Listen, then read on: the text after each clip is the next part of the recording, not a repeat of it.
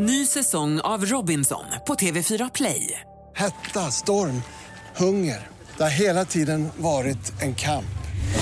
Nu är det blod och tårar. Fan händer just nu. Det. är Detta är inte okej. Robinson 2024, nu fucking kör vi! Streama söndag på TV4 Play. Podplay. Hej, varmt välkommen till podden som heter Snutsnack. Stort tack för att du lyssnar.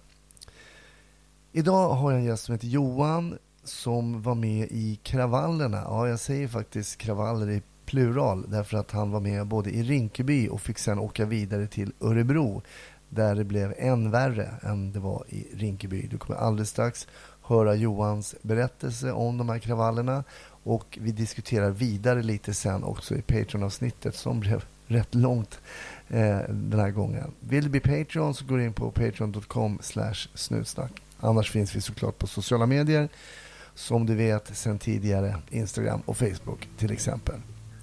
Ja, jag hoppas du har det bra men jag vill ändå att du tar det försiktigt var du än är någonstans. Hoppas nu att du får en riktigt trevlig lyssning. 1310 kom. 1310 Odengatan kom. Ja, det är uppfattat. Vi tar det. Slut. Bra. Klart slut. Varmt välkommen till Snutsnack Johan. Ja, men tack så mycket. Och så jag ska också tacka för jag har begett mig hem till dig och har blivit bjuden på både kaffe och eh, nybakat. Ja, precis. Det var kanske inte jag som bakade den här gången, men jag försökte ändå lura lite grann där, men det gick inte så bra. Det, såg, det såg väldigt välbakat ut. Alltså, nu kan inte jag någonting om dina bakningsskills, liksom, men jag anade att det kanske kom från, någon, från ett proffs. Ja, det var, mina bakningsskills är lite begränsade, det, det är de. Jag har hunnit prata lite grann här eh, hemma hos dig om, om vad du har varit med om. Och det är otroligt. Du var färdig polis 16 va? Ja, det stämmer. Och redan hunnit med händelser som är helt unika som människor aldrig någonsin kommer att eh, vara med om. Men bara lite kortfattat sådär. Hur kommer det sig att du valde polisyrket? Ja, det var nog en ganska... Det är en bra fråga med ganska komplext svar för min egen del. Det var inte givet på något sätt, utan jag hoppade in i skolan när jag var 31 år gammal. Eh, hade gjort en del innan, men kom till ett läge där jag kände att det var dags att byta inriktning, att byta jobb helt enkelt. Och då var det lite slumpartat att jag satt och scrollade i lite jobbannonser och så här, så kom det upp någon flashnannons där om att polisutbildningen är fortfarande öppen i två dagar till, så här, skicka in din ansökan idag liksom. Så jag sprang bort till simhallen och hämtade ett simintyg och eh, mejlade min optiker och fick ett intyg. Så, så skickade jag in det där bara samma dag faktiskt. Eh, så det var lite slumpartat. Eh, jag för mig att jag kanske hade någon barndomsdröm om det när jag var riktigt liten, så där, men annars hade jag inte tänkt på det för fem öre. Utan jag hade jobbat med lite annat, jobbat på tivoli, jobbat inom barnomsorgen, spenderade ganska många år på universitetet och studerade också, eh, Stockholms universitet och Södertörn. Men eh, just polisyrket kom lite som en slump faktiskt. Lustigt. Och då, när jag sökte så hade jag inte alls på något sätt bestämt mig, utan jag tänkte bara att, ja men sök nu Johan och så får du se liksom. Se till att bli antagen så tar du beslutet då liksom. Ja. Så det var en, en lång process på den tiden, eller det tog ju liksom, från dess att jag skickade in ansökan så var det väl sju månader tror jag innan man fick antagningsbeskedet. Okej. Nu har man ju kortat ner den här processen, om jag förstår det som, så kan du ju söka året runt och komma in lite kortare varsel liksom. Ja, just det. Just det. Men det var inte på något sätt givet liksom, utan eh, det var ju att börja plugga igen var inte det jag hade tänkt mig, utan jag var ju färdigstuderad tänkte jag. Men, men det vart, det vart en examen till och eh, några terminer och lite mer studieskulder också. Hur var det då, liksom, ehm, eh, studierna på polisutbildningen jämfört med det du sa att du hade varit på universitetet, Södertörn och sådär. Kunde du märka någon skillnad liksom? Ja men det var ju oerhört, eh, mina tidigare studier var ju bara teoretiska, jag har studerat juridik och eh, statsvetenskap sen innan. Eh, De här studierna på Sörentorp var ju väldigt mycket mer praktiska, även om det fanns tunga, relativt tunga eh, teoretiska inslag så var det en stor skillnad. Eh, Så att det var ju något helt annat, det hade jag inte varit med om innan på något sätt. Vi pratade om någonting, vi pratat om någonting som låg väldigt färskt eh, i minnet hos dig här. Vi, har, vi ska få en annan, eh, ett annat minne av dig, det vet jag, men du berättade om något som hände nu typ i helgen. Var, Ja, ja men det var lite roligt, eh, vi kom in på det och pratade lite grann och då kom jag på att vi hade en händelse här nu lördag, så jag jobbade kvällspass hela helgen här nu då och Så ett, eh, ett jobb vi hade som jag faktiskt är lite glad och stolt över, det var jag och min kollega åker in i ett av våra utsatta områden som vi jobbar i. Och så ser vi bara då en, en, kille som, ja, det är min kollega, ska jag faktiskt hedra honom, Ja, det var han som såg honom först. Och, eh, Uh, han gjorde ett avvikande beteende bara i sin gångstil. Han stod still först när vi kom in på gatan, men sen började han röra på sig och sen tog han en avvikande steg. Och då kände vi liksom att ja, men den här killen ska vi nog snacka lite mer med. Så att jag hoppade ut ur bilen och gick in bakom honom, han gick in på en innergård och min kollega rundade honom lite grann på andra sidan buskarna. Var ni i uniform då? Eller? Ja, precis. Vi åkte radiobil bara, rakt in i, på en, en gata som vi är på ganska ofta liksom. Och ingen av oss kände igen den här killen på, på något sätt liksom, men vi ville snacka med honom. Eh, så min kollega kommer ifatt honom och han är ju dundernervös på en gång. Och jag går lite bakom, går i hans fotspår, går och tittar i buskarna och sådär. Och sen bakom ett cykelställ så hittade jag en påse som jag misstänker, den här kommer direkt från. För det var den enda blinda spotten som jag inte hade sett honom under hela, ja de här 17 sekunderna kanske. Mm.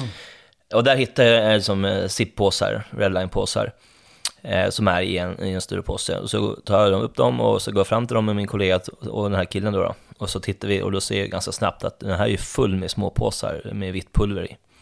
Jag kunde ju se på en gång att det mest troligtvis är det kokain. Och den här killen vart bara nervösare nervösare. Så vi bestämde oss för att vi sätter honom i vår bil här så får vi snacka lite mer med honom. Vilket vi gör. Eh, och, men det renderar till slut att vi kallar på en patrull till som får göra husrannsakan hemma hos honom. Vi inhämtar alla beslut som behövs. Eh, och vi slutar med att vi griper honom för 5005, alltså narkotikaförsäljning. Kör in honom till Flemingsberg. Eh, och eh, i följdhuset sen hittar man ytterligare 50 gram plus eh, kokain samt en hel del andra ecstasy-tabletter och annat. Och hur mycket var det som han droppade där då? Nej, det var 40 påsar med eh, en gram, ett gram kokain. Jaså. Eller ja, klassiskt 0,8 gram i många av påsarna, men däromkring. Men då skulle kanske den eh, uppmärksamma lyssnaren säga sig, vad då för försäljning? Han hade inte sålt någonting, han hade ju bara kastat, det var väl eget bruk. Ja, det kan man ju absolut tro, men det är väldigt få personer som går omkring med 40 stycken små påsar för eget bruk. Men det är ju såklart en sån sak som säkerhetsförsvaren kommer ta upp, men i samband med att vi hittar försäljningslistor hemma hos honom så blir det nog lite svårt att hävda det. Eh, Men man vet aldrig vart utredningen tar vägen då. Han sitter häktad idag då, tre dagar senare, så gärna får, får, ja, häktad i alla fall, så får vi se vad de kommer fram till. Intressant. Det är aldrig egentligen speciellt bra att vara bra på logistik och spara listor och sånt där. Nej, det är inte att rekommendera. Ja, men vad kul att höra ett, ett sånt i stort sett eh, ja, veckofärskt ärende som Mm. eh, där personen då eh, sitter häktad just nu. Sen så, jag hade ju precis i samband, det var så vi hördes faktiskt, det var i samband efter de här kravallerna och det, Ja, precis. så berättade du att du hade varit med där.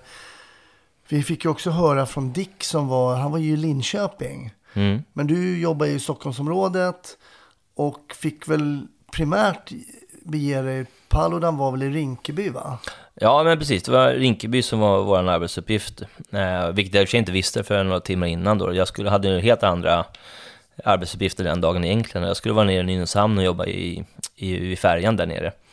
Eh, I samband med att vi tar emot mycket flyktingar från Ukraina så skulle jag göra en insats där nere. Men eh, jag hörde ju kvällen innan vart vindarna blåste och med den kompetensen som jag sitter på i, i området av sån här SPT-utbildning som jag har var ju ganska attraktiv de här timmarna. De, våra planerare jobbade ju hela natten där för, för att få ihop personal till långfredagen. Ja, det var så. Ja, det var det verkligen. Så jag såg ju redan på torsdagskvällen liksom att det här blir tajt för dem att fixa och de skrev ut verkligen att alla som kan hör av er, som vi behöver er. Och när jag vaknade på fredag morgon och såg att det fortfarande inte var löst bemanningen så, så fick jag såklart ringa in till vår planering och säga att eh, ja, men jag kan ställa upp, eh, men då måste någon täcka min lucka där nere, där jag ska vara egentligen. Men det var inget problem, det lyckades de lösa på annat sätt. Så på några timmars varsel så var det en annan dag för mig än planerat. Så då fick jag åka in till eh, min polisstation och sen bege mig ut till, upp till Rinkeby då för utsättning. Om vi backar lite grann då, jag vet ju SPT då, särskild eh, polistaktik. Ja, men precis. Ja. Eh, och vi har ju nämnt det här många gånger i podden, men om vi, du har ju den utbildningen då. Vad gör man under den utbildningen? Om vi kan ta det lite kortfattat så man får en bild av vad du har som kanske den som inte har den utbildningen saknar. Ja, absolut. Jag gick den utbildningen ganska nyligen också. I höstas gick jag den utbildningen. Och SBT är det konceptet som används inom polisen för att hantera stora folkmassor. Eh, man kan säkert tänka sig att många tänker på en kravallpolis då när man pratar om en SBT-polis. Och det är ungefär det då. Att vi ska, vi ska på bästa möjligt sätt kunna hantera stora mängder människor som är antingen tillmötesgående eller eventuellt så har de en annan åsikt också. Det är väl det vårt syfte är. Och utbildningen går ut på just det, att vi tillsammans i grupp då, som poliserna är, eh, försöker lösa folkmängder som, ja, som vill det ena eller det andra. Jag kommer själv när man gick på skolan, då hade vi någon sån här övning när folk kastade tennisbollar på oss. Jag vet inte om man har upphört med det kanske. Men... Nej, det var mycket potatis under utbildningen var det. potatis. Ganska, och de var inte kokta innan, de var rätt hårda också. Man har bytt i alla fall. Ja. Kanske tennisbollar var lite väl snällt. Eh, ja, men vad bra, då har vi ett grepp då. Så då, Mm. då tillhörde du en av dem då som blev... Samlas ni för någon utsättning då inför det här? Och får, vad, får Ja. man för, vad får man för backstory innan man drar iväg? Ja, men det var ju ganska hastigt. Men det var ju absolut, vi var väl då en och en halv avdelning kan man säga med SPT-poliser.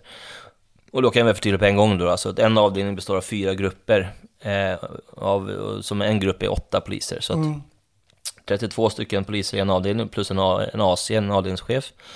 Och jag vill minnas att vi var en och en halv grupper.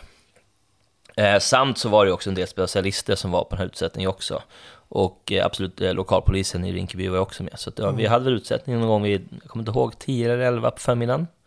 Någonting sånt. Eller kanske var det en klockan 9, nu vart jag lite osäker. Men på förmiddagen i alla fall så hade vi utsättning. Och Paludans tillstånd i Rinkeby, just det så var det, det började klockan 11. Från mellan 11 och 15 hade han tillstånd att demonstrera uppe i Rinkeby då. Så att vi hade nog utsättning ja, fram till 10 då kanske. Då. Och sen var det, sen var det igång, redan från 11 då. Helt klart. Och hur märkte du att det var igång då?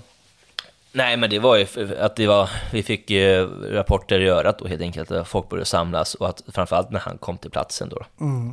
Men då var vi redan på plats och då hade vi då slagit ett så kallat PL24-område då, det vill säga att vi spärrar av ett visst område där i det här fallet Paludan ska kunna hålla sin demonstration, sin åsiktsyttring på ett säkert sätt, eller på så säkert sätt som det kan bli. Så då ställde vi oss upp i, ja man kan väl säga som en ring runt omkring honom då helt enkelt. Med våra fordon men också med oss då, med oss poliser. Eh, och så höll vi då folkmassan utanför det här området. Eh, och avståndet eh, gjorde att han, han hör sig knappt när han står där och pratar och även om han använder en megafon eller bara står och pratar så är det ju ingen som hör vad han säger.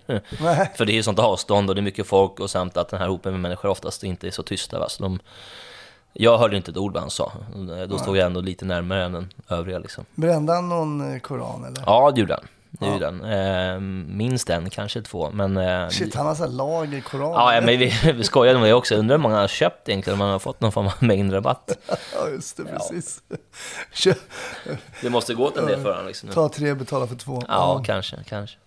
Ja, okej då, men um, hur många var, samlades där? Var, hur många hade samlats där? Då kände ni att det var någon oro liksom för att de skulle börja um, typ kasta sten eller något sånt Ja, men det var det direkt liksom. Ja, det var Eh, så. Ja, och men eh, uppe i Rinkeby så var det nog en ganska liksom, mångfald av människor som var där. Det var gamla som unga och medelålders och kvinnor och barn och, och farbröder och liksom allt var där. Mm. Eh, och en del, som vi brukar säga, goda krafter var ju också där. Alltså p- personer som jobbar i föreningslivet eller har någon, eh, någon annan funktion liksom, i.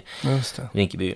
Eh, så att, men det, var, man, det är ju känslosamt för många, det här med Paludan och koranbränningarna. Det märker man ju direkt liksom. Och jag kommer ihåg det var en gubbe som stod och stimmade upp liksom och sen så tappade han det helt enkelt. Han sprang bak och hämtade någon stol på någon fik där och kom med det över huvudet så här skulle det kasta då över oss antar jag att han tänkt mot honom. Han hade ju aldrig kommit fram men men redan innan han hinner sula iväg den här stolen så är det ju andra befolk- folk som, som hinner suga tag i honom och liksom hejda ner honom och Ja, okej. mer eller mindre själva bär bort honom för att lugna honom. Liksom, sådär. Ja, alltså det fanns sådana krafter ja, också. absolut. Ja. I Rinkeby finns det verkligen det. Och, så vi behövde inte initialt vara så aktiva där, utan vi stod och höll vår avspärrning. Och ibland var det någon som testade gränserna såklart och försökte smita emellan. Och det, redan från början så, start, så kastades det saker liksom, över oss och över våra bussar. Men det var inte mot oss då, utan det var mot Paludan. Och de kom ju egentligen aldrig fram, för det var en så pass långt avstånd. Liksom. Men, eh, men det är ju känslosamt och eh, vissa har väldigt svårt att behärska sig och hantera sina känslor i samband med det här. Jag såg exempelvis en kvinna med två barn, en, barn- ett barn i varje famn och hon höll på att stissa runt som tusan fram och tillbaka där och eh, och barnen hängde väl på där, men sen när jag tittar bakåt vid något tillfälle och alltså in mot vår avspärrning, då ser jag hur hennes, ja, kan han, grabben varit sju år kanske, då har han lyckats smita sig emellan oss och göra någon form av rusning mot paludan. Eh, men då är det någon av liksom, polisen som står lite mer närmare som hinner såklart suga tag av honom. Liksom. Men Ah, även en sjuåring vart uppstissad nog för att förstå att han skulle fram dit. Liksom. Ah.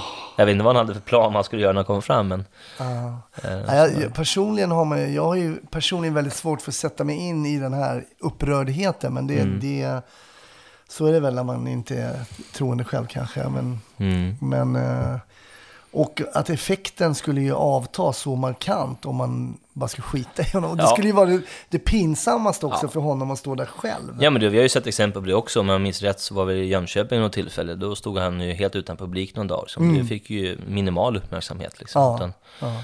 han lyckas ju ofta med att få uppmärksamhet, men inte alltid liksom. Och när han inte lyckas med det, det är ju när folk inte bara låter han vara liksom. Ny säsong av Robinson på TV4 Play. Hetta, storm, hunger. Det har hela tiden varit en kamp. Nu är det blod och tårar. liksom. Fan händer just det. Det är detta inte okej. Robinson 2024, nu fucking kör vi! Streama söndag på TV4 Play. Ett poddtips från Podplay. I podden Något Kaiko garanterar östgötarna Brutti och jag, Davva, dig en stor dos skratt. Där följer jag pladask för köttätandet igen. Man är lite som en jävla vampyr. Man har fått lite blodsmak och då måste man ha mer. Udda spaningar, fängslande anekdoter och en och annan arg rant.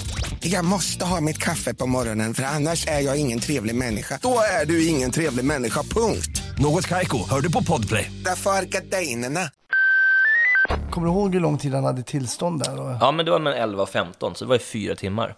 står han där i fyra Aj, alltså, timmar? han, han har tålamod. Eh, men här, i Rinkeby så var det ju så att när han då brände Koranen där så, så var det ju så upprört och upprörda känslor, så då började folk kasta sten verkligen. Och försöka bryta sig igenom våra barriärer. Eh, och då var det ju så hett så att han var ju tvungen att eh, evakueras då, då, så då stack han ju därifrån. Ja, okej. Och då ganska snabbt så, så går vi ner i liksom, vad vi kallar ett grönt läge igen. Liksom. Det, var, det var lugnt igen. Liksom. För de där hade ju initialt i alla fall ingenting mot oss nödvändigtvis. Även om de skarpt ifrågasätter varför vi är där och varför vi skyddar honom. Då, då.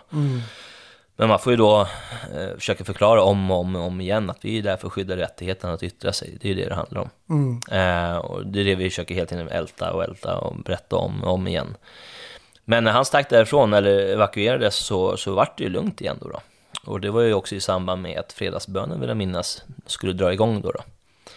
Så att det var ju många som, eh, som försvann in i moskén där, som ligger precis vid Rinkeby torg.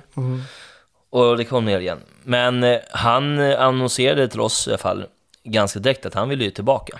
För han hade ju tillstånd fram till 15 och nu kanske klockan var 13 då, misstänker jag om jag minns rätt. Jaha, han ska tillbaka. Men så att han hade ju fortfarande tid på sitt tillstånd, så han skulle ju tillbaka, vilket han sa till ja, de poliser som han har kontakt med då. Så att vi, vi fick ju helt enkelt förbereda för att han eventuellt skulle komma tillbaka. Så vi ändrade upp taktiken lite grann, vi placerade ut våra fordon på ett annat sätt. Och sen, eh, jag kommer inte ihåg vad klockan var, eh, men eh, en, en stund senare så kom han mycket riktigt tillbaka. Jaha. Och det var ju då i samband med att fredagsbönen var slut och det bara välde ut folk från moskén då, då igen. Just det. Det var nog ingen slump. Eh, det där hade han säkert koll på. Och eh, det var ju där det, det brakade loss på ordentligt i Rinkeby. När han kommer tillbaka. För det, det hade de ju väldigt svårt att acceptera att han skulle få komma tillbaka. De trodde att han hade stuckit för gott. Ja, liksom. men säkert liksom. Eh, säkert. Och, och då hade vi ställt upp våra fordon mer som att de stod liksom i en halvcirkel runt, ja, mellan den platsen han stod på och själva Rinkeby torg, centrumet. Liksom. Och då började stenkastningen riktas mot oss poliser istället då. Eh, Och det är väl den här, då började det med att de kastar sten på våra bussar helt enkelt. Och det jag tänker mig att det är lite lättare att kasta sten på ett ting, liksom på en buss, än på en, en polis eller en människa överhuvudtaget. Så att när de första hade kastat sina stenar så var det nog ganska lätt för många andra att följa efter. Så att vi stod ba- bakom våra bussar under skydd, liksom, och skyl åtminstone. Eh, Men stenkastningen är ju så brutal så att vi känner att vi kan inte låta dem kasta sönder våra bussar på det här sättet. Så då är det eh, en gruppchef och jag och några till som bestämmer oss för att nej, nu måste vi göra någonting åt det här. Så då, då öppnar vi upp sidodörren på våran buss och så springer vi igenom våran buss och gör den första rusningen in i Rinkeby då, eller in mot torget här. Eh, och får ju effekt på en gång såklart, att eh, vi kommer fyra, fem, sex poliser då rusandes då och försöker vara så aggressiva vi kan då, verbalt och kroppsuttryckligt, eh, alltså vi drar batongen och skriker och härjar.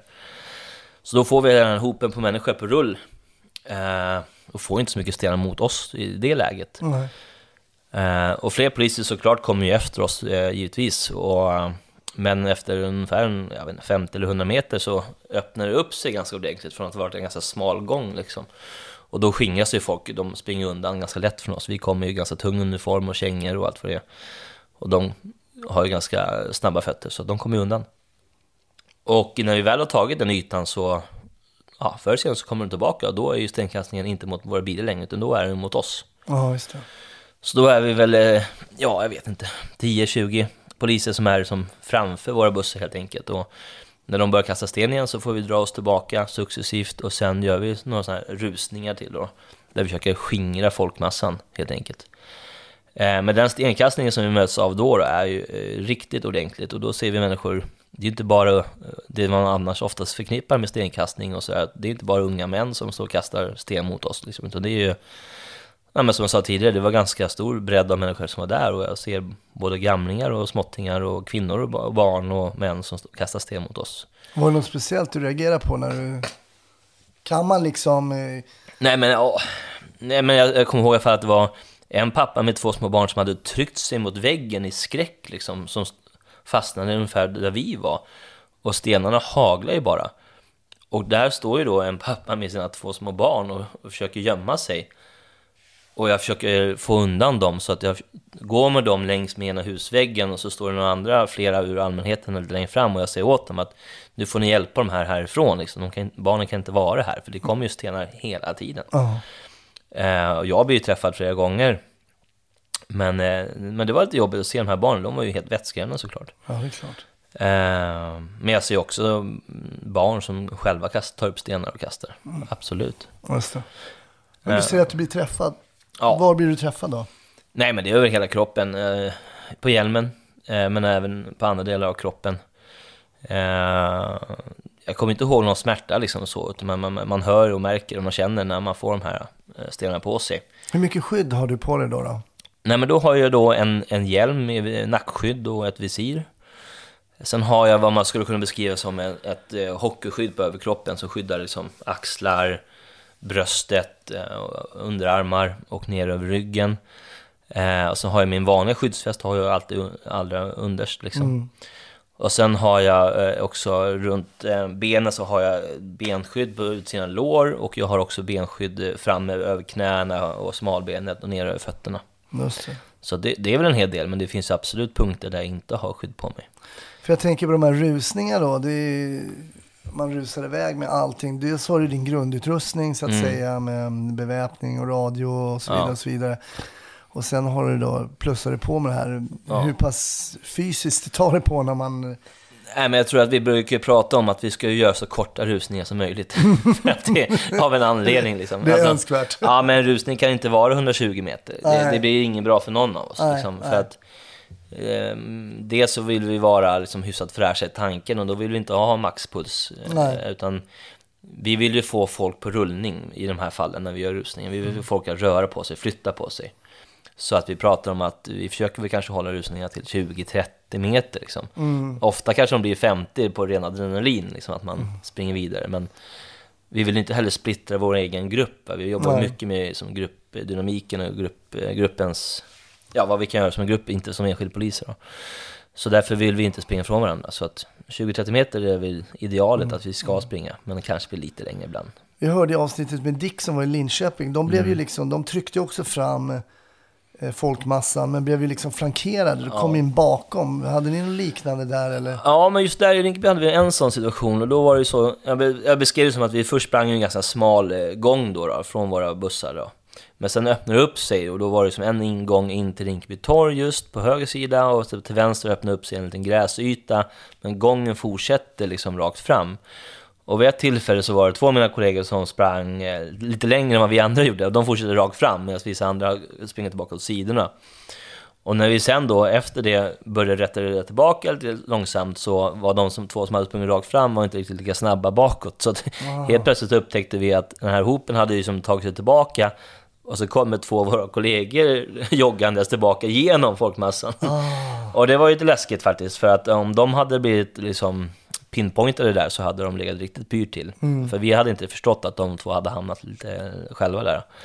Eh, Så det var i efterhand framförallt eh, läskigt liksom, att de har varit, ja, de har varit utsatta där en stund. Stod Paludan kvar under hela Nej, alltså, sin... där då så har jag ingen, har jag ingen aning om det. Nej. För jag, jag tittar åt annat håll liksom. Men, nej, men jag har förstått som att han, eh, när stenkastningen drog igång eh, nummer två där, då, så, Mm. så var eh, han evakuerad igen. Liksom. Så han var ju borta igen. Ja. Ehm, så när vi är ute och framme och kör de här skingringarna, då, då är han med all säkerhet borta, tänker jag mig. Mm. Ehm, men där är vi ändå ganska snabba tycker jag, liksom att vi, så då har klockan också passerat eller börjat närma sig 15 när hans tillstånd liksom gäller. Så då, då häver eh, vi P24-området. Då finns det ingen anledning för oss att hålla kvar det här området. Liksom. Mm. Så då, därför kan vi retirera därifrån ganska tidigt. Och varför har man det här PL24-området då, alltså enligt polislagen? Ja, det är för att säkerställa att ingen person kan ta sig in på det här området så att en, exempelvis en demonstration kan hållas eh, enligt, som en grundlagsskyddat. Eh, det är därför vi slår ett sånt. Okej, och då släpper man det och då lämnar ni, eller hur? Vad är det som Ja, nej, men precis. Och så fort vi kan egentligen då så, så drar vi oss tillbaka det här, i det här läget. Och vi då som är där för att just för att stötta under själva demonstrationen, vi vill åka därifrån så fort som möjligt. Eh, Vi har ingenting kvar att göra i Rinkeby då egentligen och då finns det ingen anledning till att ha en så hög polisiär närvaro. Nej. Utan då är ju vår plan liksom att vi, vi inom SBT, vi i Delta-avdelningen som det heter, vi ska åka därifrån och så får de lokala poliserna i Rinkeby fortsätta sitt eh, framgångsrika jobb med att ha dialog med, med alla invånare. Så vi sitter upp i våra bussar och tar oss från den omedelbara platsen. Vi åker några hundra meter längre ner på gatan bara helt enkelt. Och där har vi ett litet vänteläge och ser lite grann vad som händer. Men eh, vi får rapport om att det lugnar ner sig ganska snabbt. Men eh, den här hopen är fortfarande samlad i alla fall. Eh, de har ju inte splittrats upp på något sätt. Utan och när vi ska åka därifrån helt och hållet, vi ska lämna Rinkeby, vi är på väg ut därifrån, då börjar den här hopen röra sig mot eh, polishuset i Rinkeby. Och där uppe har vi också, det ligger lite grann som på en kulle där polishuset där och en del av polisfordonen står ju parkerade på en utomhusparkering. Och då hör vi på radion liksom hur vissa tar sig upp dit och börjar kasta sten mot polishuset och vårt, mo- mot polisbilarna. Och det kan vi inte på något sätt tolerera att de har, gör den skadegörelsen helt enkelt. Så då är vi tvungna att vända om. Vi var på väg därifrån, men då måste vi ju vända helt om 180 grader och åka tillbaka in och sen lastar vi ut oss alla och så blir det helt en- igen så här rusningar. Vi försöker skingra folk. Vi får ner dem från den här kullen. Eh, och ja, vi lyckas skingra dem ganska snabbt. Och, eh, och därifrån så får vi helt enkelt jobba upp det igen då med dialog, samtala med dem, berätta varför vi är där.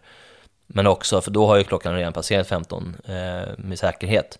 Så då kan vi ju säga liksom att han har inget tillstånd längre, Paludan kommer inte komma tillbaka, så att ni behöver inte vara oroliga eh, för den sakens skull. Utan vi poliser, vi vill åka härifrån. Vi vill bara ha kvar Rinkeby-polisen, vi vill inte vara kvar här, utan vi ska jobba med annat nu.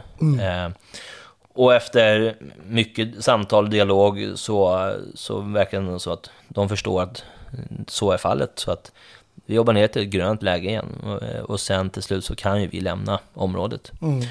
Och sen hör vi då att det blir inga mer stissigheter i Rinkeby överhuvudtaget utan när vi åker iväg därifrån så, så är det lugnt liksom. Utan det, eh, vi kan lämna det gott, eh, goda armar hos Rinkebypolisen. Den här stenkastningen då som ni blir bemötta av och som du blir bemött av också. Hur skulle du beskriva den om du jämför med vad du har varit med om tidigare rent polisiärt vad kommer till stenkastning och demonstrationer och sådär? Ja, nej, det där är, det är, det är by far det värsta jag varit med om. Jag har inte mött stenkastning alls egentligen, förutom kanske någon enstaka vid något tillfälle. Men just ur en, från en stor massa så är det där första gången som jag varit med om det. Eh, Så jag kanske har i alla fall då lite svårt att gradera på hur illa det var. Liksom. Men sen efteråt, när man pratar med kollegor och vissa som har jobbat i 20-25 år berättar att ja, stenkastningen vi såg i Rinkeby var det värsta vi har sett någonsin liksom, Mm. inom 25 år i yrket. Så förstår man hur, hur riktigt illa det var. Eh, verkligen. Och din, om du så efteråt kan reflektera över din egen reaktion kring att bli bemött med så mycket våld som stenkastning egentligen är. Hur, hur, hur tycker du att du liksom och din kropp och ditt Mm, ja. psyke liksom hanterade det? Nej, men jag tycker att det funkar bra. Alltså, jag tycker att jag under hela den här dagen ändå eh, lyckas hålla huvudet relativt kallt ändå. Jag försökte ju hela tiden tänka på att jag ska vara en, just en tänkande polis. Jag ska, jag ska ta rationella beslut och jag ska agera kraftfullt eh, när, när så krävs. Liksom. Eh, och det tycker jag ändå att jag höll mig ganska bra till.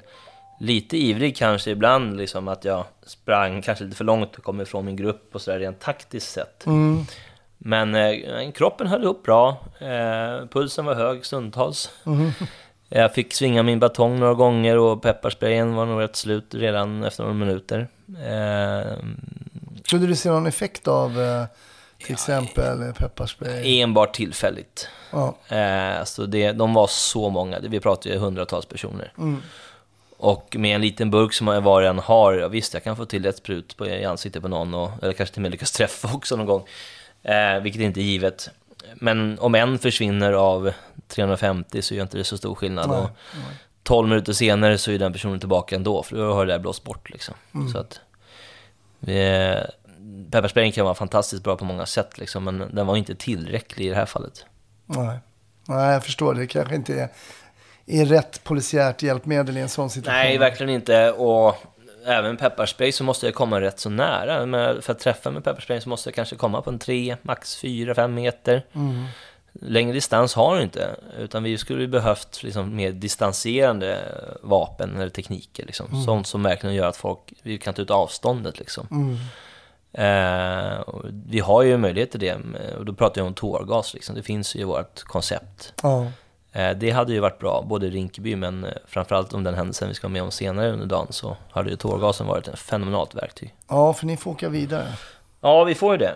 Det hade vi pratat om redan på utsättningen, som att eh, efter Rinkeby så skulle han då vidare till eh, Örebro. Där hade han tillstånd, ja vad var det då? Nu är jag lite osäker, men 17 och 20 kanske det var. Jag är lite osäker på tiden där, men... eh, Shit, han har tight schedule alltså. Ja, alltså han måste gilla att åka bilen alltså. Han sitter i bilen mycket alltså. Helt klart. Nej, men så vi fick det redan på förmiddagen där att vi kommer nog bli äskade, vi- eller vi kommer mm, behöva åka dit liksom och hjälpa till. Och då, eh, myndigheten som alltid försöker ställa upp för sina medarbetare frågar ju såklart om det är någon som inte kan, som måste hem liksom efter sin arbetsdag, som var planerad fram till 17-18. Men det var ju ingen som räckte upp handen på det, utan alla var ju beredda att åka vidare om det var det som behövdes. Så, att- så att eh, hela min avdelning, Delta 27, eh, åkte vidare från, till, från Rinkeby till Örebro. Och den här halva avdelningen, eh, Delta 28 tror jag hette, de fick ju stanna kvar och ligga som ett taktisk reserv i Rinkeby utifall att det skulle blossat upp igen på kvällen då. då. Vilket det inte gjorde då. Men, Nej. men vi i Delta 27, vi fick åka bort och så tog vi lite rast och vila och gick på toaletten och sen åkte vi och käkade. Och sen var det full spätta mot Örebro som gällde.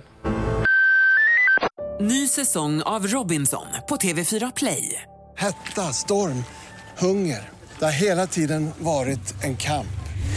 Nu är det blod och tårar. liksom. Fan händer just nu. Det. är Detta är inte okej. Robinson 2024, nu fucking kör vi! Streama söndag på TV4 Play. Ett poddtips från Podplay. I fallen jag aldrig glömmer djupdyker Hasse Aro i arbetet bakom några av Sveriges mest uppseendeväckande brottsutredningar. Går vi in med hemlig telefonavlyssning och, och då upplever vi att vi får en total förändring av hans beteende. Vad är det som händer nu? Vem är det som läcker? Och så säger han att jag är kriminell, jag har varit kriminell i hela mitt liv men att mörda ett barn, där går min gräns. Nya säsongen av Fallen jag aldrig glömmer på Podplay. Och i Örebro så har han ju samma typ av tillstånd där han ska demonstrera och bränna, Ja, precis. bränna Koranen där då. Ja, det stämmer. Och jag har nog nästan aldrig varit i Örebro förutom med förbifarten, så jag känner inte till hur det ser ut där när man åker dit. Liksom. Så jag har ju som ingen uppfattning om på vilken plats liksom, det här ska ske. Vi får några kartor skickade till oss på vägen dit, så man kan sitta och titta lite grann hur det ser ut. Men det är ju alltid en fördel att känna till geografin och områden runt omkring. Va? Och det, Mm. hade, det var ju svårt att sätta från kartbilder liksom, men det är ändå någon form av förberedelse får vi där. Och då får vi också veta att de har ju ändrat plats. Egentligen skulle, han ville ju vara ute i Vivalla då, deras förort där ute i Mm. Örebro. Men de har ändrat platsen till centrala Örebro av någon anledning. De bedömde det som säkrare, tryggare, bättre. Eh, och där vet vi ju liksom att det är ett uttag som eh, Region Bergslagen har gjort ett uttag för att kunna hantera den här demonstrationen. Då, då. Mm. Och vi ska ju då komma som en form av säkerhetsgaranti, eller att vi ska ju komma som en reserv helt enkelt.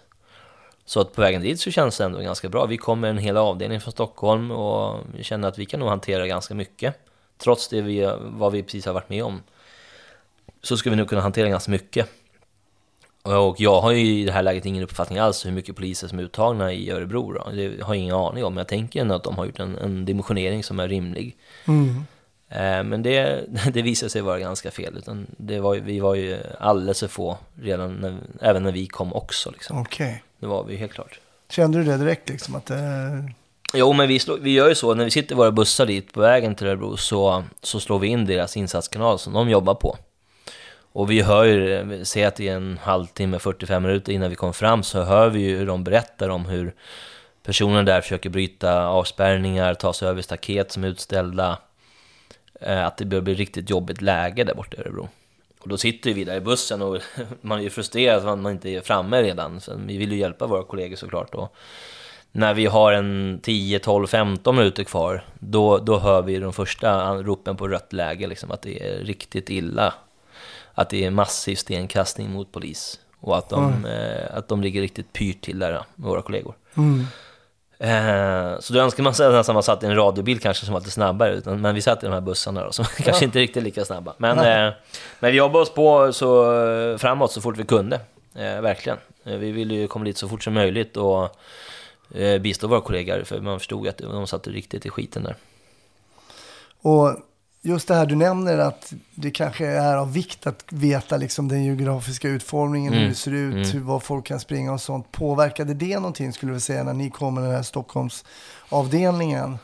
Ja, men egentligen, alltså, vi har ju förstått liksom att han ska få stå på någon tomt, eh, någon, någon asfalterad yta och, eh, och att eh, det finns också en stor gräsyta, någon park där. På, och det är en å som rinner där emellan. Liksom. Det är ungefär det jag hinner tänka i alla fall.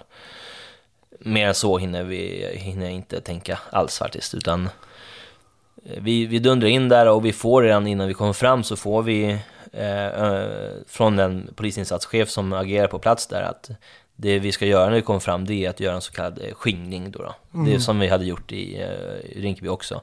Med fordon samt oss som personer göra rusningar för att skingra en stor folkmassa. Eh, det förstod vi att det kommer att bli vår första uppgift. Eh, så att vi åker in i den här parken helt enkelt på kolonn. Fem stycken bussar.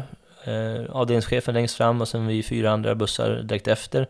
Och sen vänder vi upp i den här parken då och vi ser vi hur mycket människor det är då i den här parken. Och den ska tömmas den här parken. Det är Hur uppgiften. mycket, vad skulle du uppskatta? När Nej, men det man ser direkt är väl en 300-400 kanske. Mm. Någonting sånt. Så att vi rusar ut ur de här bussarna då och sen är det då återigen då att försöka göra sig så stor som möjligt, aggressivt, låta mycket, på med sirener och allt vad vi kan liksom för att få folkmassan på rull då. då. Vilket går superbra första gången. Den här parken kanske är 60-70 meter djup, eh, ska vi uppskatta till.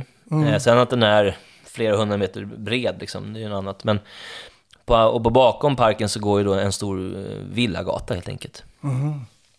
Men vid vår första rusning där så lyckas vi absolut väldigt bra med att tömma parken. Det är såklart en del folk som hamnar in bakom oss, men de, det är oftast de som står och filmar med sina mobilkameror och spelar oskyldiga. Och i vissa fall är oskyldiga också då, men när vi är ju ändå väldigt tydliga med vårt kroppsspråk och det är det vi kommunicerar att parken ska tömmas, det ska eh, ut liksom. Och det är det jag, jag går och springer och skriker det. Lämna parken, ut från parken. Eh, Men det är ju många som struntar fullständigt i det. Mm. Eh, men där lyckas vi bra, liksom, att vi tömmer parken rätt ordentligt. Jag hoppas och tror att vi ger våra eh, kollegor från Örebro ett visst andrum när vi kommer där då. då. Ehm, det blir ganska tidigt så att vi då från Delta 27 håller väl den högra sidan kan man väl säga av parken medan våra kollegor håller den vänstra. Så vi är ju väldigt utspridda. Jag kan tänka mig att det är 150-200 meter mellan oss liksom. Mm. Så frågan är då vad som händer liksom, när vi väl har tömt parken, vad, vad händer då då? Ja, men det är såklart att de, de springer undan i sina snabba sneakers och så snackar de ihop sig och så kommer de tillbaka. Och då börjar ju stenkastningen mot oss då, då igen Mm. då såklart. Eh, så de, kommer ju, de sipprar ju tillbaka från de här villagatorna som eh, är på andra sidan och börjar st- kasta sten mot oss och vi håller ju då vår linje ganska ordentligt till en början. Eh, och utsätts ändå för eh, en massiv stenkastning igen då. då. Och det är svårt att hålla blicken åt alla håll samtidigt, som det är sån utbredd front liksom. Man försöker ju titta höger och vänster och på kollegan hela tiden, va? men det kommer ju stenar överallt ifrån. Blir du träffad här också eller? Ja, mycket mer än i, än i Rinkeby. Kanske inte det här första skedet, men lite senare här så, så blir det väldigt mycket. Mm. Eh, för i början är vi ändå ganska utspridda, och då blir det egentligen som i Rinkeby också, eller som det egentligen också tanken är, att när vi gör rusningar, de springer därifrån och vi drar oss tillbaka liksom, för att tajta ihop oss, gruppera om oss och hitta varandra. Och så gör vi rusningar igen då för att splittra gruppen liksom. Men vi ser också tidigt hur de, hur de försöker tända eld på vissa buskage och jag ser en person som försöker tända eld på en bil och det står en ganska fin bil parkerad där på Villagatan och han pular ner grejer i bensintanken där och försöker tända på liksom och sådana saker. Och man ser ju också hur folk kommer med, med packade foodora väskor som är bara fulla med stenar liksom. Kommer leverera stenar till de här som står och kastar liksom. Wow. Ehm, och samtidigt så har vi, i den här parken då så har ju våra fordon, de har ju kört fast. Det är ju ganska, det är ju gräs, men det är ändå ganska tidigt på våren här, så det är ju ganska sankigt liksom. Mm. Och våra eh, tunga SPT-fordon, de är ju tvåhjulsdrivna. Så de kör ju fast. Åtminstone två av våra fyra bussar sitter ju fast. Så vi får ju, Oj. Mitt i allt det här så får vi också samtidigt stå och putta på bussarna liksom. Vilket blir hela ovärdigt liksom. Att så, vi står en hel grupp om sju poliser och puttar på en buss bara för att den ska komma loss. Ah. Samtidigt som folk står och kastar sten på oss och då har vi ju inga folk som kan som hålla våra ryggar fria liksom. För det, Ah. vi är inte så många liksom. Utan det blir ju väldigt eh, sjukt att vi får tvungna att göra det då. Men, men så är det.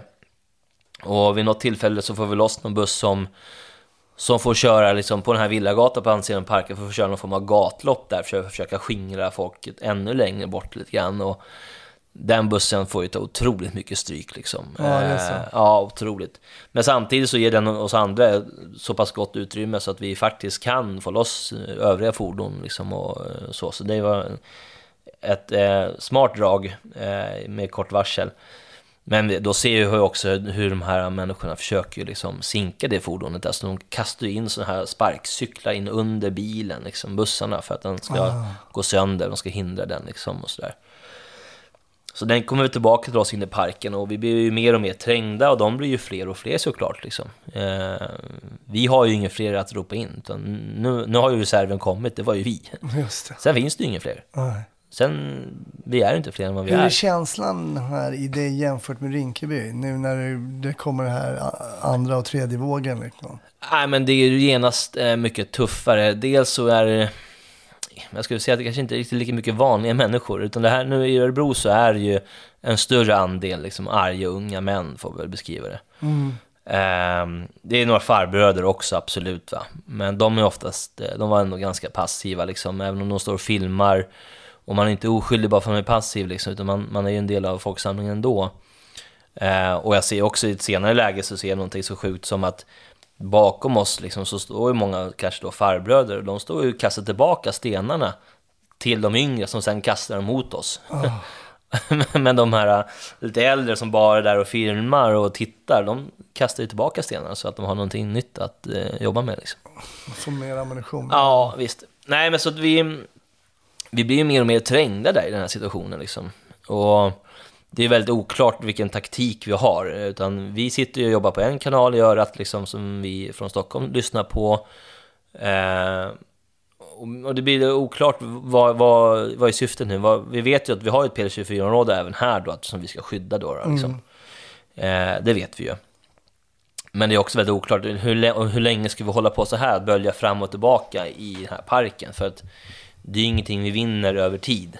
Nej.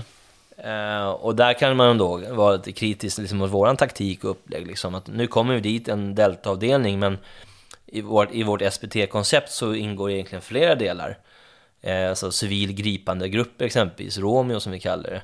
Som, som är, finns till för att de hela tiden ska kunna jobba från sidan eller bakifrån och plocka ut de värsta liksom och Mm. gripa eller lagföra eller bara köra bort därifrån. Så att vi kan använda tiden till våran fördel. Liksom. Det måste ju vara vår taktik alltid. Men i det här fallet så vart det ju tvärtom. Liksom. Med tiden så vart vi bara mer och mer skadade, tröttare och tröttare, medan de vart fler och fler och fler och fler stenar kom till platsen. Liksom. Mm. Eh, och med, i konceptet som vi har, liksom, där skulle det ju kunna finnas liksom, både hundar och hästar och massa andra liksom, aktörer. Men i det här, i det här fallet så var det bara vi, eh, Delta, liksom, som fanns där och jobbade. Vilket gör att vi, liksom, vi har tiden emot oss och vi blir mer och mer trängda. Och till slut så kommer en order liksom att vi ska försöka, det går en gångbro, en smal liten bro över den här ån då som är på, i vår rygg och vi ska dra oss tillbaka dit. Så vi backar bak våra bussar dit och eh, försöker samla oss. Ja, vilket bara gör vår situation ännu värre liksom, för då blir vi så himla tajta med varandra och eh, de kan ju bara kasta in stenar mot någon av oss och träffa dem ju åtminstone någon liksom. Mm. Och då kommer de också så otroligt nära, det har man säkert sett på en del filmer och sådär, hur de jag ser ju våran buss som står liksom längst fram, våran chaufför var ju ordentligt utsatt där. Alltså han har ju 10, 15, 20 pers och står vid fönsterrutan och bankar med allt vad de har liksom. Järnrör, påkar och Ja. kastar sten och allting. Vad, vad, vad, jag tänker på deras liksom, tillmälen. Vad skriker de till er när de är så nära och sådär? Vad är det som... Nej, du, alla Akbar hör man ju Ja. i parken under alla timmar vi är där. Det är det som jag hör. Eh, sen är det ju såklart, det, det, det finns ingen dialog i Örebro. När vi kommer in så är det ju ett rött läge från början. Mm. Så att jag är ju aldrig med om någon dialog där överhuvudtaget. Så jag, jag vet inte hur, det, hur den gick då initialt innan jag kom dit liksom. Men när jag kom dit så är det ju bara liksom, eh, då är det ju full strid liksom. Men då då när ni blir så pinpointade där och det står så tätt liksom. Vad, hur kommer ni ur den situationen då? Ja, jag ska säga att det är ju väldigt nära att vi inte gör, vill jag väl för- förklara här också liksom, för att ehm, den här bron är så liten och det står en polisbuss mitt på den och vissa av oss får ju för sig att vi kanske ska gå ner över ån liksom för att ta oss till andra sidan. Och där blir jag ju nog för första gången i min polisiära karriär stundom väldigt rädd. Liksom. Jag, är- där är jag rädd för min egen säkerhet för att jag inser ju att nu är de så pass många och så himla aggressiva och våldsamma att hamnar jag lite fel här så kan det här vara riktigt farligt för mig. Liksom. Mm. Och vilket det såklart är redan innan dess, för vilken sten som helst kan ju vara det sista för mig. Eh, men där, när vi blir trängda mot bron där så är det farligt, alltså då är det riktigt farligt för många av oss. Mm. Och vissa har ju redan tagit sig över bron, men vissa av oss är kvar som de sista där framme då. då. Och jag och min grupp är väl en, en av de sista grupperna som är där allra längst fram. Och eh, får ta emot en oerhörda mängder av stenar. Och det kan, många är ju ganska små och gör ju inte ont på något sätt. Men vissa är ju stora som gatstenar och träffar de rätt eller fel så, så är det ju slutet för mig. Eh, så jag, jag, har, jag har fått från många gånger, men jag har svårt att uppskatta. Men jag, säger, jag brukar säga att minst 30-40 stenar får jag på mig alla gånger. De flesta märker ju inte alltså, knappt av. Liksom. Vissa kan ju dämpa ner med handen att mer eller mindre ta emot. Men ibland så är vi så trängda också så att jag vet att fan om jag duckar den här stenen då träffar den ju kollegan bakom bara. Ja, Då kanske det är bättre att jag tar den som är beredd för jag vet inte om min kollega ser den. just det. Så då kan jag faktiskt ibland välja att liksom försöka ta emot den med handen. Den kanske går igenom, jag lyckas dämpa farten på den eller faktiskt de facto ta den själv liksom för att annars så kan den bli farlig för någon annan. Ja. Ehm, och det är ju vid det här läget som jag framförallt hör liksom, och ser hur kollegor börjar dra sina tjänstevapen och, börjar skjuta varningsskott eh, flera gånger. Liksom. Och Vad jag- händer då? Vad händer när de, här, när de avfyrar? Nej, men jag, jag väljer att göra det själv. Jag, Ja. jag drar mitt, mitt tjänstevapen vid ett tillfälle och avfyrar två skott rakt upp i luften. Eller snett eh, uppåt. Jag skulle säga att verkan blir nästan noll. Eh, det kanske är den närmsta personen som reagerar och som ser att jag skjuter, men Ja. den verkan är ju ah, nära noll. Vilket man har ju gått en utbildning och man har jobbat några år som polis och man har tänkt sig så att när jag väl använder pistolen då, då kommer folk förstå att det, nu är det fara och färde liksom. Nu är det här, Mm. Nu drar vi. nu drar vi, nu är det inte kul längre liksom. Men nej, nej. Dels så hörs det ju knappt. Nej. För det är ju sånt oväsen överlag. Just det. Ehm, och det är ju bara liksom en bråkdel av personerna framför mig som uppfattar vad jag pysslar med ändå. Så att, Mm. ja, det får ingen verkan alls. Vilket är lite jobbigt liksom där och då. Och kanske lite efterhand också. Det, det är inte ett alternativ i det här läget att skjuta varningsskott. Det är, verkan är nästan noll liksom. Och jag vet att jag liksom där och då också tänker liksom tanken, okej, kan jag skjuta, skjuta verkanseld här? Just det. Och det inser jag att ja, det kan jag absolut. Jag har ju lagstöd. Jag har lagstödet eh, hur många gånger som helst. För att när de här stenarna kommer mot mig, och jag, kan många gånger se just på den sidan som jag är då, det är ju återkommande personer som kastar sten flera gånger då, och jag kan börja känna igen dem att det här är inte ens första gången en kille kommer fram. Nej. Och ofta så, så tar de några extra steg framåt när de ska kasta själva stenen gentemot deras frontlinje om man säger så då. För att komma närmare och sikta. Och det är där det öppnar upp för mig, för att jag, jag kan ju inte använda mitt tjänstevapen in i en folkhop. Utan Mm. jag måste vara säker på min omgivning och riktning. Jag får ju inte skjuta den så att en tredje part kan komma till illa. Men, Nej, men om det är någon som kommer framrusande mot mig och kanske är lite ensam då just vid det tillfället. Då, har, då kan jag hitta en riktning faktiskt, åtminstone om jag skjuter lågt på personen. Mm. Där, som, där det är en säker omgivning. Jag kan faktiskt skjuta ett benskott. Mm. Du, du tänkte de tankarna? Ja, jag gjorde det flera gånger. Att här, här jag, jag får skjuta. Jag har lagstöd här. Jag kanske till och med bör göra det. Mm. Men jag väljer att inte göra det. Eh, och det där är en fråga som vi stött och blött ganska mycket i efterhand. när Vi satt och reflekterade, jag och mina kollegor. Och har- hade som sagt många kollegor som har jobbat betydligt längre än vad jag har. Som nästan grämde sig efteråt. Och det kan jag också göra. Att, att varför sköt jag inte? Ja. Och när man hör liksom mycket folk efteråt som uttalar sig om varför vi inte sköt skarpt och varför vi inte använde de vapen vi hade liksom, så, så tar jag emot mycket av, av det de säger men man måste förstå också att när man står med ett sånt verktyg i handen det är inte så jävla givet liksom om man ska Ja. använda det. För att, Man är väl också lärd lite som polis att det verkligen är det yttersta liksom. Ja, Det är det absolut sista liksom ja, det är det ju såklart. som du använder liksom. Ja, och jag vet ju, alltså någon som kommer med en sten som är stor nog att döda mig och sikta på mig, det är klart att jag har lagstöd. Mm. Så länge jag är säker på min eh, mål och riktning och omgivning. Och Mm. det fanns tillfällen där det var det. Jag kanske inte hade kunnat skjuta högt centralt som vi pratar om, men Nej. åtminstone ett benskott hade jag kunnat skjuta många gånger.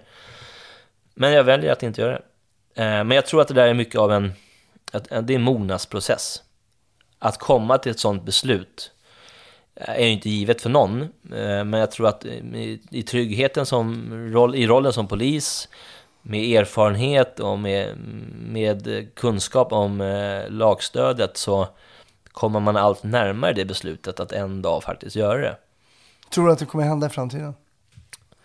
Om, säger- det, om det skulle fortsätta? Jag, säger så här, jag, jag är inte säker på att jag kommer, jag, jag vet inte om jag någonsin kommer komma, komma i sånt här trängt läge igen. Nej. Men jag, jag kan säga så mycket som att jag har mognat väldigt mycket i det här beslutet, Mm, eller i den här frågan. Så hamnar jag i sånt här trängt läge så kommer jag ha mycket närmare till att faktiskt göra det. Mm. Hur kommer ni därifrån då? Ja, men till slut så... Till slut så måste vi eh, över ån, eh, helt enkelt. Vi måste, vi måste lämna våra bussar som står på fel sida. Mm. Vi måste fly därifrån. Eh, Det är det som till slut handlar om. Så att när den sista åren som är tydlig nog kommer så beger vi oss över på den här bron för en sista gång då. Och då lämnar vi liksom tre bussar där. Och det, det gör ju ont i, i hjärtat liksom att lämna våra fordon där. Men det gör ju ändå att den här hopen människor fokuserar ju på de här bussarna och börjar liksom vandalisera dem och börja elda på dem. Eh, så att vi får ett visst andrum på andra sidan ån och då blir det så att vi ska ta oss därifrån. Vi ska lämna den här platsen. Och då är ju ett problem att vi är ju flera poliser än vad vi är, har fordon. För i och med att vi har lämnat tre bussar. Och sen den största oron som är den enda viktiga egentligen är ju, är alla med? Eller Mm. är någon kollega kvar på andra sidan? Det är svårt att se. Eh, Det är några brandsläckare som har dragits av från den här hopen, så det blir nästan lite dimmoln på vissa ställen. Så att det enda snacket som går på radion här nu är den här och den här personen med i den här gruppen fulländad och så. Mm. Och gruppcheferna och avdelningscheferna har ju ett eh, väldigt stressigt jobb där att räkna in alla liksom. Men vi trycker in oss i de bussarna som står på andra sidan, vilket då framförallt är våra Örebro-kollegors bussar. Mhm.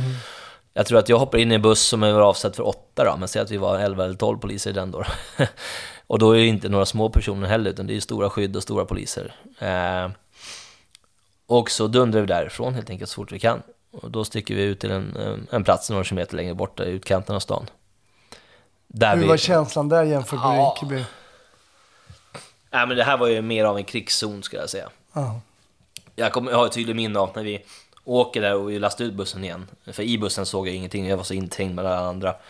Men man ser ju rökpelan i, i, inne i centrum liksom. Ja. Hur, den, hur det brinner inne i, i stan. Och det är era bussar? Det är våra bussar, ja. Och även en fjärde buss lyckas de ju ta, för att de, tas ju, de är ju några stycken som tar sig över bron samtidigt som vi då. då. Och då är en av eh, mina, eh, en grupp då, mina kollegor i, i, i samma avdelning då, som precis har lyckats fylla sin buss. De är en hel grupp där och då kommer då någon legista, någon oddsverkare och tömmer en hel brandsläckare in i bussen. Vilket gör att det blir bara ett tjockt vitt moln av pulver i hela bussen. Så de ser ju noll. Mm. Och där har jag ju en läskig historia som efteråt så har ju kollegor som satt i den bussen berättat att det där trodde de var det sista de skulle vara med om. För att när de tappar sikten så vet de inte vad som kommer därefter Nej, överhuvudtaget. Nej, precis. Det kan ju komma en molotov cocktail eller något annat brinnande föremål för att bussarna på andra sidan ån var ju redan i brand då. Liksom. Så där blir de, de blir ju riktigt rädda där med, med all rätt. Och det går ju inte alltid, alltid så himla fort att tömma en buss på åtta poliser. Nej. När man inte ser någonting och man vet inte vilken dörr som är öppen, höger eller vänster. Eller, så det tar ju några sekunder liksom för att tömma den där bussen. Och det, ja, det var nog en, en läskig upplevelse tror jag. Tror jag det, verkligen. Ja, och det är den bussen som de då sen, när vi då har stuckit därifrån, så lyckas de då ja, kapa den här bussen. Så de kör omkring med den där bussen några vändor på gatan där. Sen smackar de in den fjärde bussen bland de andra tre. Så den, till slut så brinner den också upp då. då. ja. Ja, du sa att det smärtade att lämna Ja. liksom, eh, utrustning och fordon. Och det är självklart, det kan man ju förstå. Det är en, både en prestigeförlust och ändå en taktisk, så att säga, Ja. rent strategisk så att säga, förlust. Men jag tänker på den här prestigeförlusten då. alltså Mm. för, det blir en polisiär, liksom, man tappar ju um, ansiktet lite grann på något sätt. Ja, man, man får inte med sig all materiell hem, Nej. så att säga. Ja, nej men så var det ju. Jag tror ändå som att vi var ganska överens om där, som att det, det spelar faktiskt inte så himla stor roll kontra att vi har med oss alla våra kollegor. Liksom. För det, Exakt. Mm. det spelar, ju- en buss är en buss va, men en, Det är bara materiella ting. Ja. Ja, det är ju det, till synes och sist så. Men, eh, det- men visst gjorde det ont. Mm. Absolut, och med, som polis, vi ska ju inte backa. Nej. Vi ska ju inte hamna i ett läge där vi är tvungna att liksom förflytta oss om vi inte Ja. vill det. Eh, verkligen inte. Hur kom du hem efter det här då? Hur, hur, ni, hade ni var ju för Ja. många och för få. Ja, nej, men det vart ju så att det vart många timmars rådande, men till slut så gjorde de helt enkelt så att man kontaktade polisen i Stockholm då, som kom dit med nya bussar. Ja, okej. Som fick köra hem oss. Men det var ju många timmar senare. Mm. Vi, först så tar vi oss till, till en plats där vi säkert kan lämnas ut och som kontaktar våra anhöriga och som dricker lite vatten och så. Och, plus, och där möter ju också ambulans och räddningstjänst upp oss då, för då har ju många kollegor som är skadade. Mm. Så därifrån så transporteras ju en del kollegor till sjukhus och många som är lättare skador får ju omplåstring av eh, ett gäng ambulanser som står uppställda där. Vad såg du för skador då, där i din närhet så att säga?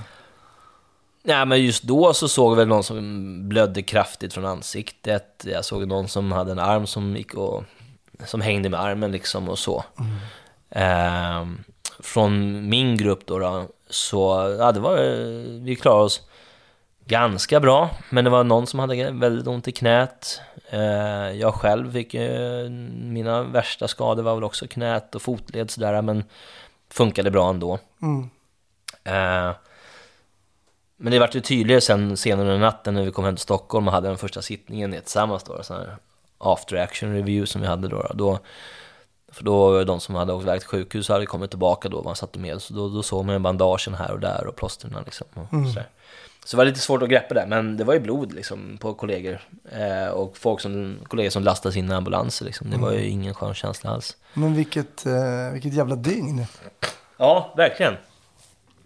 Jag eh, klev på mitt pass där vid åtta på morgonen, så åkte jag från min station. Och jag tror nog att vi, när vi då landar på den här platsen där vi möter upp sjukvården så här, då är väl klockan kanske åtta igen då. Mm. Eh, Jag är lite dålig tidsuppfattning där, men jag tror att någonting sånt va. Och sen, eh, där blir vi, hamnar vi i ett vänteläge då, då för blir, vi måste ju ändra om taktiken, vad ska vi göra och så. så att, men vi, vi får i oss lite mat, vatten och lite mat och sådär. Och sen så, några timmar senare, det tar ändå några timmar faktiskt, så kommer nästa order och då är det att vi ska in i den här parken igen. Och så ska vi hjälpa räddningstjänsten att släcka branden helt enkelt. Mhm.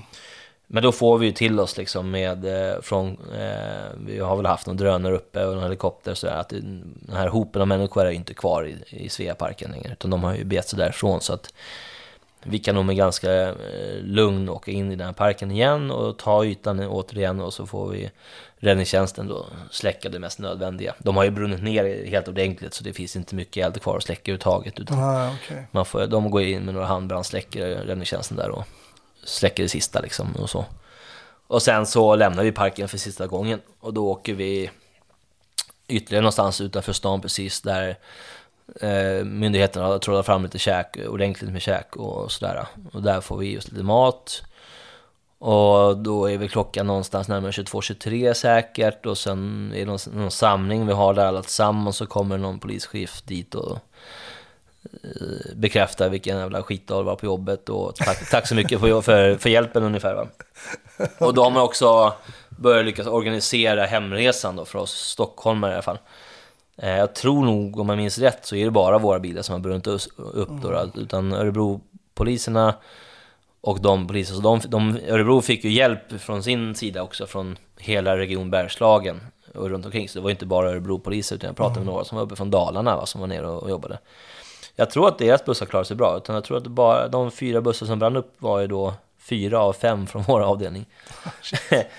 så att, men de har lyckats fixa nya bussar, så att vi börjar väl transporten tillbaka till Stockholm någon gång vid, vid midnatt kanske, jag vet inte exakt.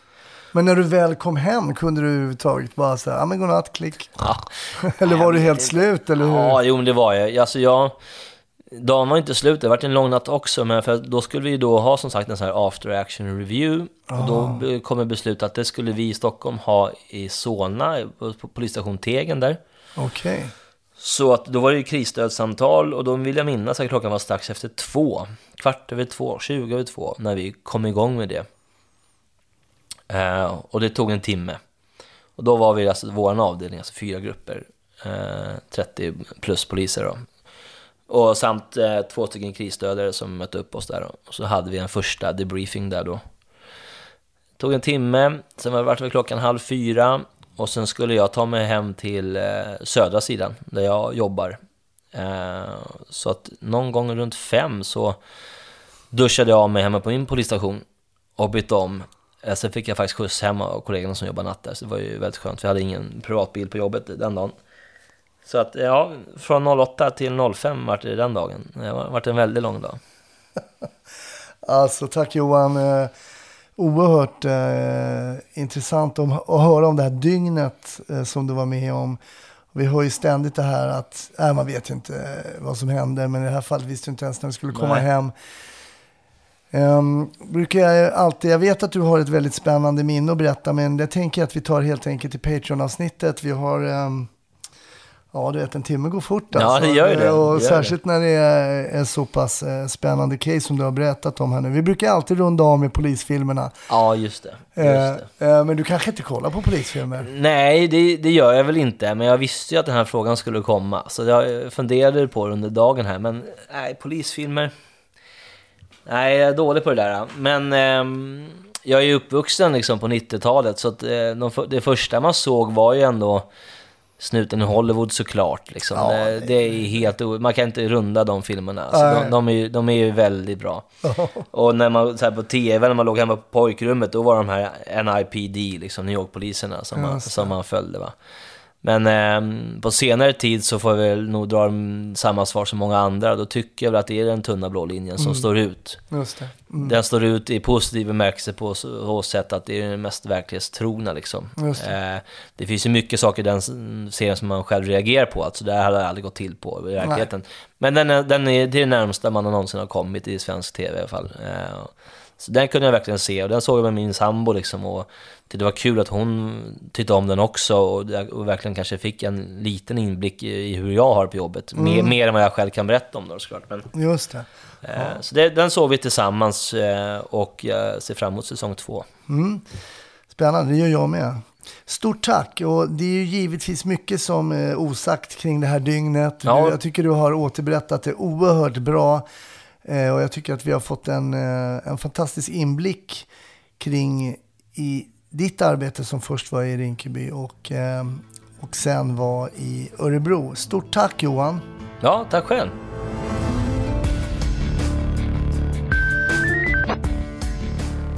Tack för att du har lyssnat på Snutsnack med mig, Hasse Brontén. Slut för den här veckan, men nästa vecka så kommer det givetvis ett nytt avsnitt. Jag hoppas du tunar in då. Annars hörs vi på sociala medier eller kanske någon annanstans. Ha det fint. Hej då!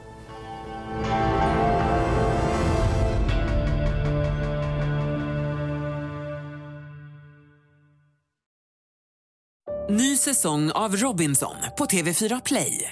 Hetta, storm, hunger. Det har hela tiden varit en kamp. Nu är det blod och tårar. liksom. Fan händer just nu. Det. är Detta är inte okej. Robinson 2024, nu fucking kör vi! Streama söndag på TV4 Play.